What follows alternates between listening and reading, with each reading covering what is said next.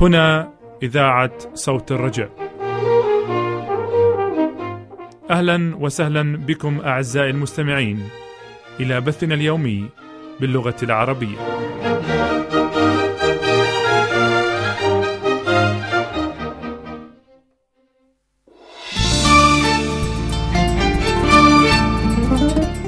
منير سلام ونور كمال يرحبان بكم أعزائي المستمعين من وراء ميكروفونات صوت الرجاء وفي هندسة الصوت أنور عبد المسيح. وسنرافقكم خلال برنامج اليوم متمنين لكم معنا أسعد الأوقات وأمتعها.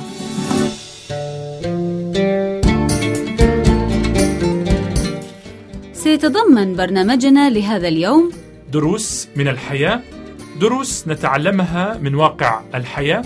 ومن ثم نستمع إلى عالم الأسرة برامج عائلية لأسرة سعيدة كريمة. فكونوا معنا.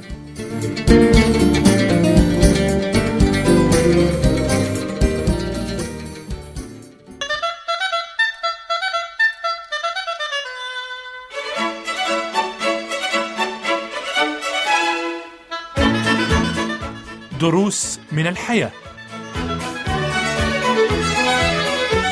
برنامج أسبوعي يقدمه منير سلام.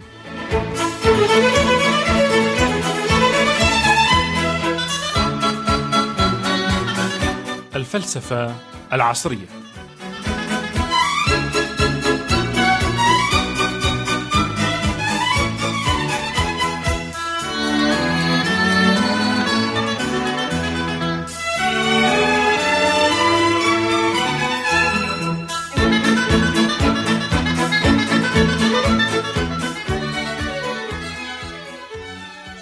أهلا وسهلا بكم أعزائي المستمعين إلى برنامجكم الأسبوعي دروس من الحياة. البرنامج الذي نعالج فيه قضايا مهمة ونستخلص منها عبرا ودروسا لحياة أفضل. وسنعالج موضوع اليوم بإسهاب بعد هذا الفاصل الموسيقي.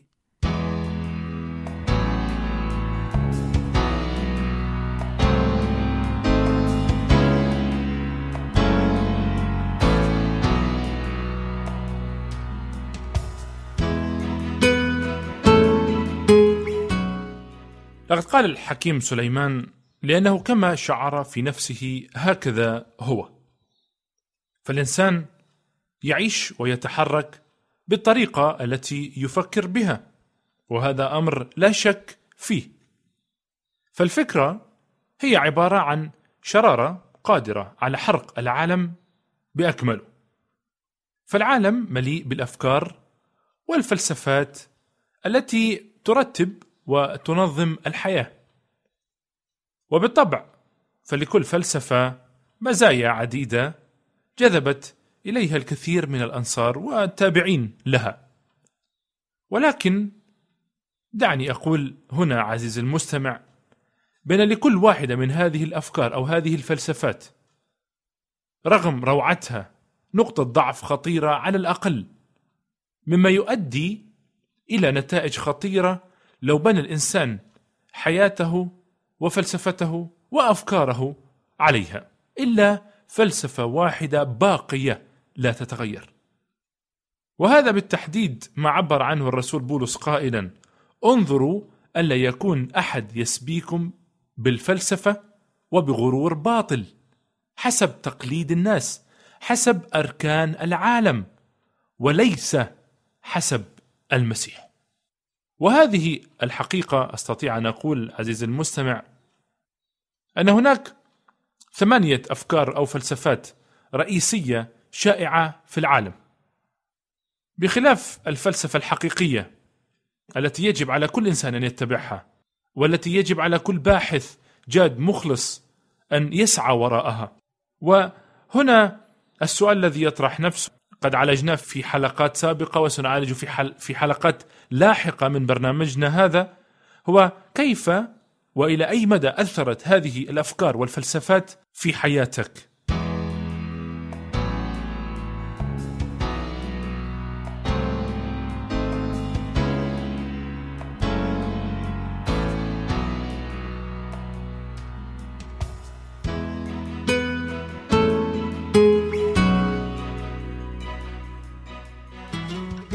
واليوم سنناقش معا الفلسفة العصرية أو الإيمان بالمجتمع. فالشخص الذي يدين بالفلسفة العصرية هو شخص يعيش بحسب إحساسه ومشاعره. فالدوافع التي تبدو وكأنها تحركه هي الأشياء التي تتعلق باحتياجات المرضى والأميين أو الفقراء أو الجياع ولا غير ذلك. وما هي إلا وسيلة لإشباع الأنانية الشخصية أو لتسكين الضمير. كما أن الفلسفة العصرية تدعو إلى أن تغيير ظروف الإنسان سوف تغير من طبيعته. وهذا في الحقيقة ما ينافي تعليم الكتاب المقدس. فالكتاب يشير بوضوح إلى أن التغيير أو إلى أو أن تغيير الظروف وحدها لن يغير بالضرورة اتجاه واختيارات الإنسان. فمن المعروف أن الظروف المحيطة قد تؤثر على القرارات والاختيارات ولكنها لا تخلق تلك الاختيارات وذلك لأن مصدر تلك القرارات هو القلب. فمنح الناس بيوتا أفضل أو نوعية أفضل من الطعام لن يغير من طبيعتهم لكنه سيخلق طبقة جديدة من الخطى المهذبين أستطيع القول. فنحن أكثر من مجرد طعام وشراب. وبيوت وكتب وغير ذلك من هذه الأمور. أما تغيير القلب وتثبيته في اتجاه الله فهو يغير كل الحياة بالعمق إن كان روحي وعقلي وجسدي بل يغير بالقدر الكافي ظروف الحياة والعالم نفسه برمته.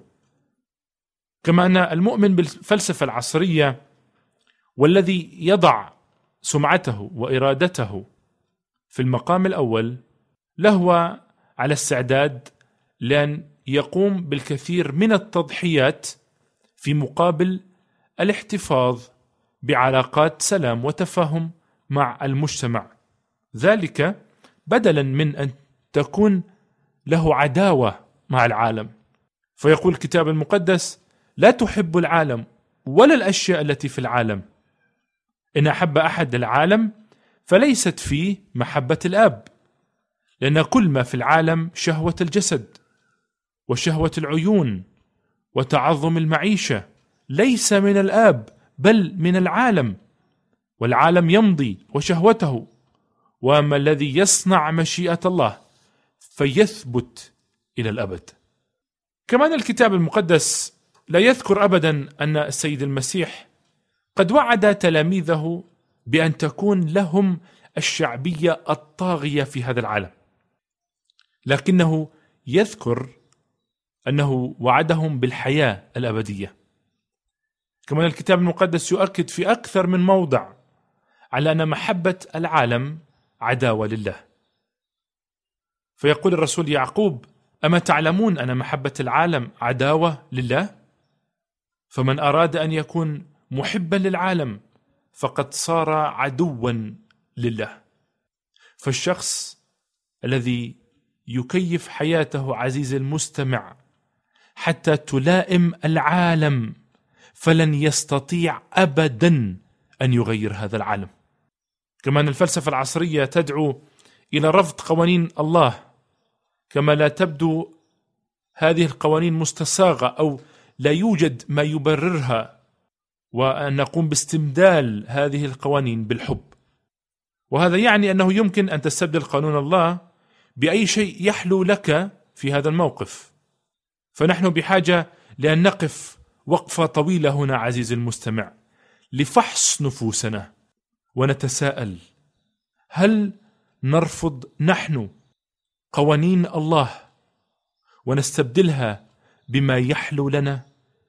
ونضع أمامنا القانون القائل الغاية تبرر الوسيلة أم أن يكون قانون الله وكتابه المقدس دستورك في هذه الحياة؟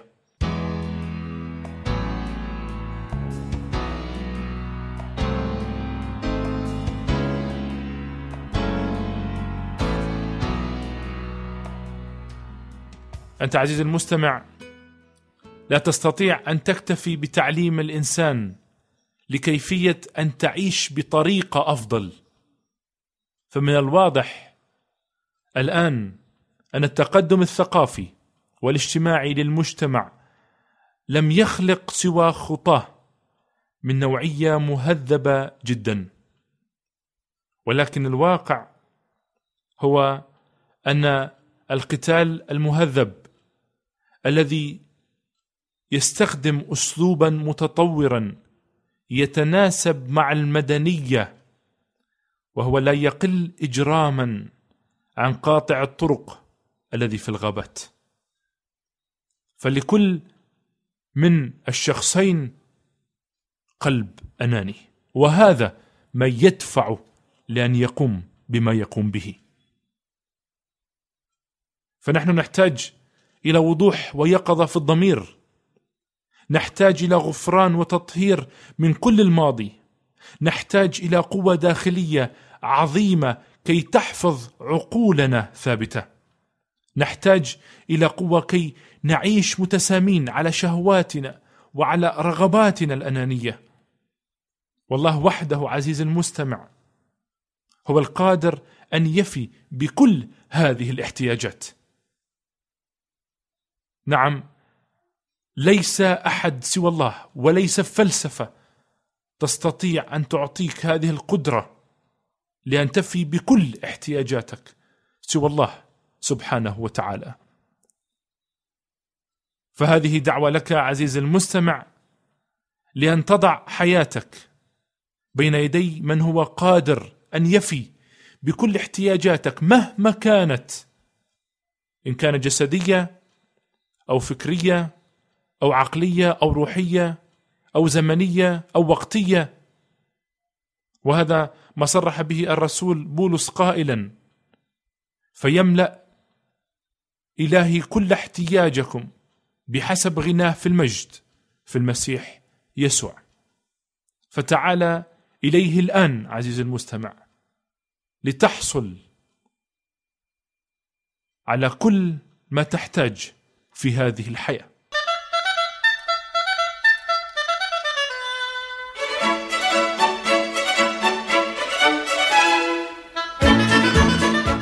قدم لكم منير سلام دروس من الحياة وإلى اللقاء مع درس قادم في حلقة قادمة.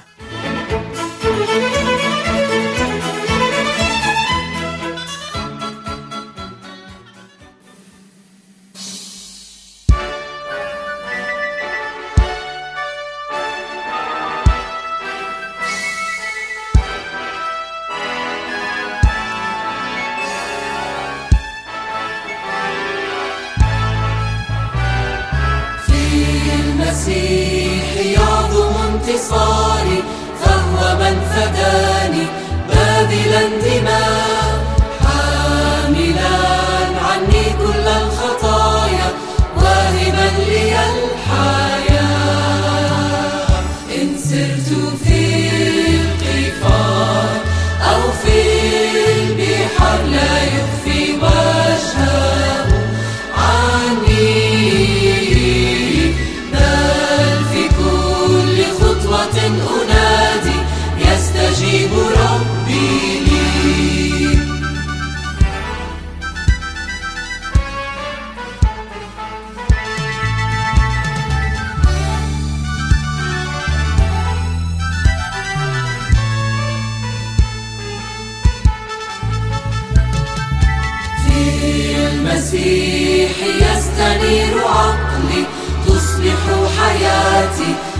كلها سرور. ألقي عني كل هم قلبي.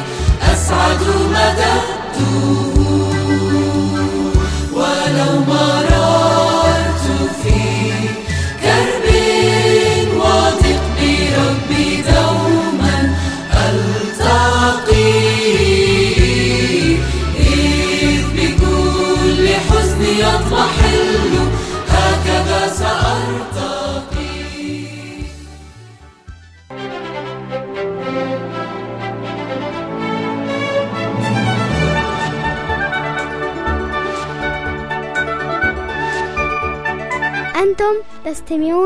لصوت الرجاء.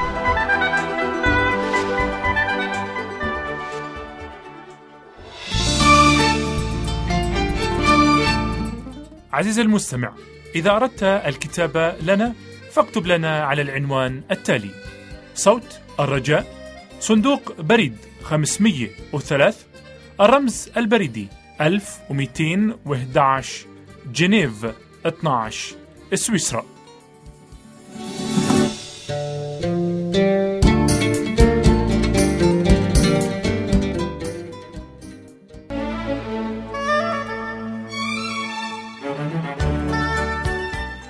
عالم الأسرة.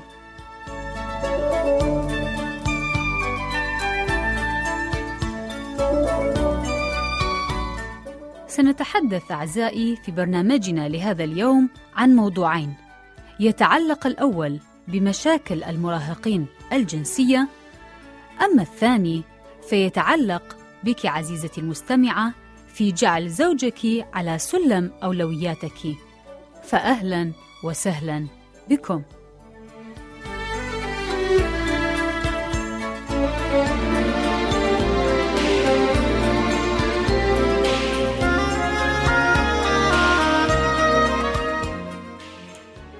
يتضايق معظم الأهل أعزائي المستمعين من التعامل مع الناحية الجنسية لأولادهم ولبناتهم. ولكن الحقيقة أعزائي هي أن بعض المراهقين يمارسون الجنس في وقت مبكر.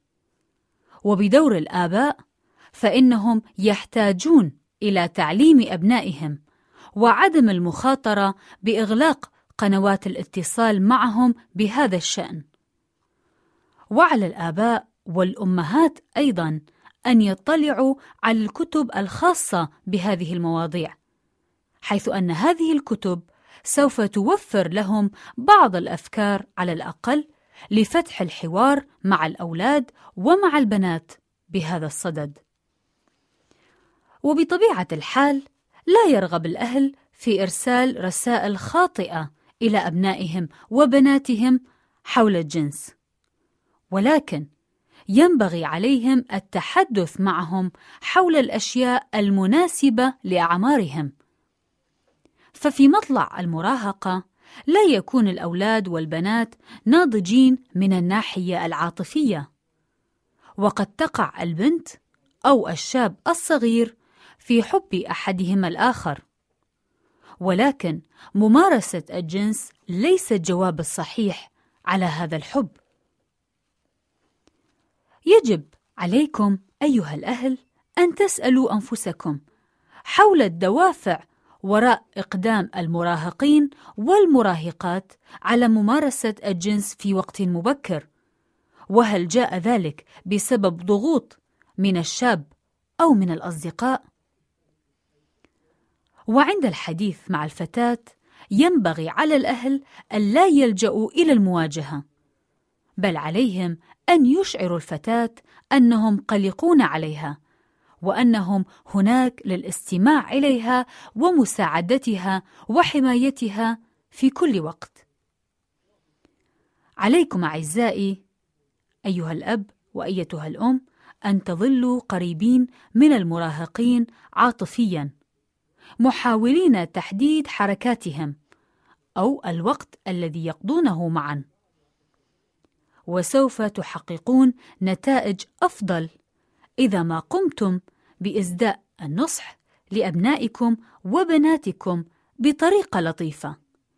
وإفهامهم أن خبرة الأهل في الحياة تجعلهم يفهمون مصلحة أبنائهم وبناتهم بطريقة أفضل.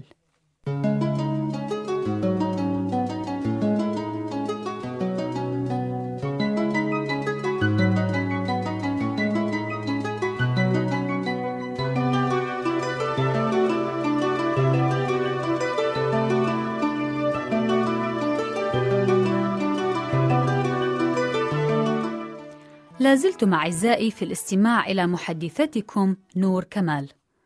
والآن أقدم لك عزيزتي الزوجة بعض النصائح في جعل زوجك على سلم أولوياتك خصصي عزيزتي الزوجة وقت أكبر للتكلم مع زوجك حول علاقتكما الزوجية وبدل أن تركزي على السلبيات كوني أكثر إيجابية في كلامك مع الزوج حول العلاقة الزوجية. تكلمي معه عزيزتي عن نفسك، وليس عن الأولاد أو عن متطلبات الحياة والبيت التي لا تنتهي. لا تستغلي ساعات الصفاء لمناقشة القروض أو الديون أو الإصلاحات التي يجب إجراؤها في المنزل. والنصيحة الثانية تقول: تناولي الوجبات معه، فإذا كان الزوج يعمل لساعات طويلة، فلا تتركي له طعامه مثلا في الثلاجة، بل حاولي الجلوس معه أثناء تناول الوجبة، وقومي بالتحدث معه، والتخفيف من أعباء وضغوط العمل عند عودته للمنزل. وبهذه الطريقة تساعدينه على الانفتاح أكثر ويصبح هو بالتالي مقدرا أكثر لما تفعلينه من أجله. مما ينعكس بالإيجاب على علاقتكما الزوجية.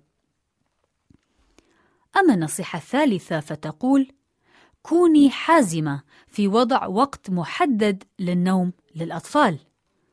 وبهذه الطريقة تكونين قد خصصت وقت أكبر للتكلم مع الزوج.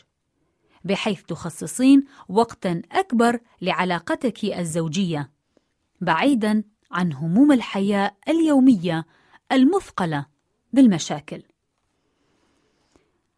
النصيحة الرابعة عزيزتي تقول: ذكري نفسك دائما بأن الزواج الصحي والعلاقة القائمة على التفاهم هي أساس الحياة الزوجية السعيدة.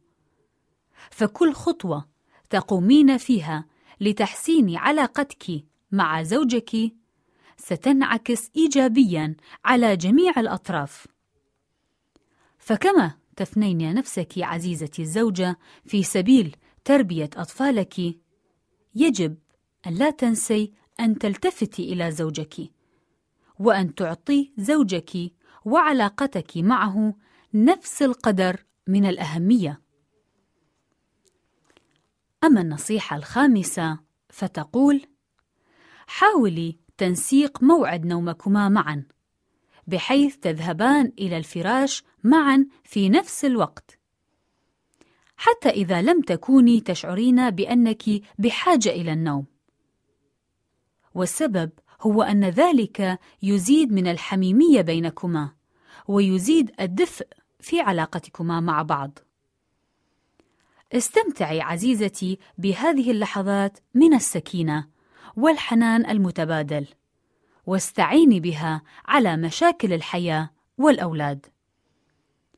وبعد أن يخلد زوجك إلى النوم، يمكنك الخروج ثانية لمتابعة ما كنت تقومين به. أتمنى أن تفيدك هذه النصائح عزيزتي المرأة في جعل زوجك أولاً في مهام حياتك مع أمنياتي لك ولعائلتك بكل السعادة والهناء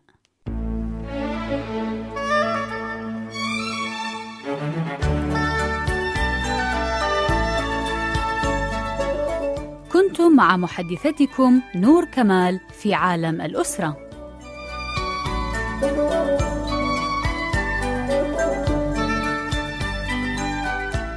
إذا كان لديك عزيزي المستمع، عزيزتي المستمعة، أي سؤال أو استفسار أو حتى اقتراح، فأرجو الكتابة لي شخصياً على عنوان البرنامج الذي ستسمعونه في نهاية البث، وسأكون في غاية السرور للإجابة عليها.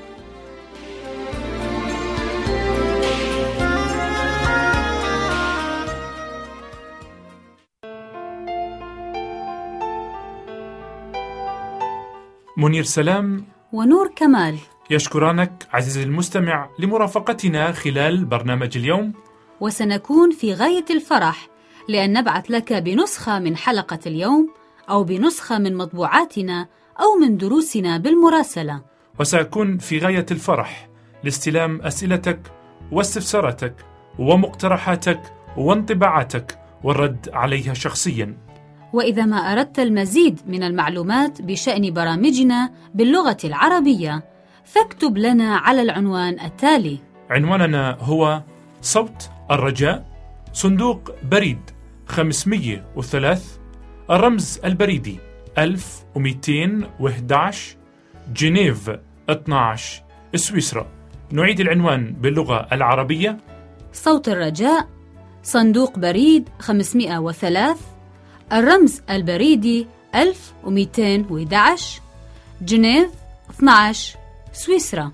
والرجاء كتابة العنوان باللغة الإنجليزية على النحو التالي. Voice of Hope P.O. Box 503 CH 1211 جنيفا 12 سويسرلاند ولك منا من وراء ميكروفونات صوت الرجاء أرق وأحلى سلام. ولك من مهندس الصوت أنور عبد المسيح نفس المحبة والترحيب وإلى اللقاء مع برنامج قادم وليكن الرب معكم.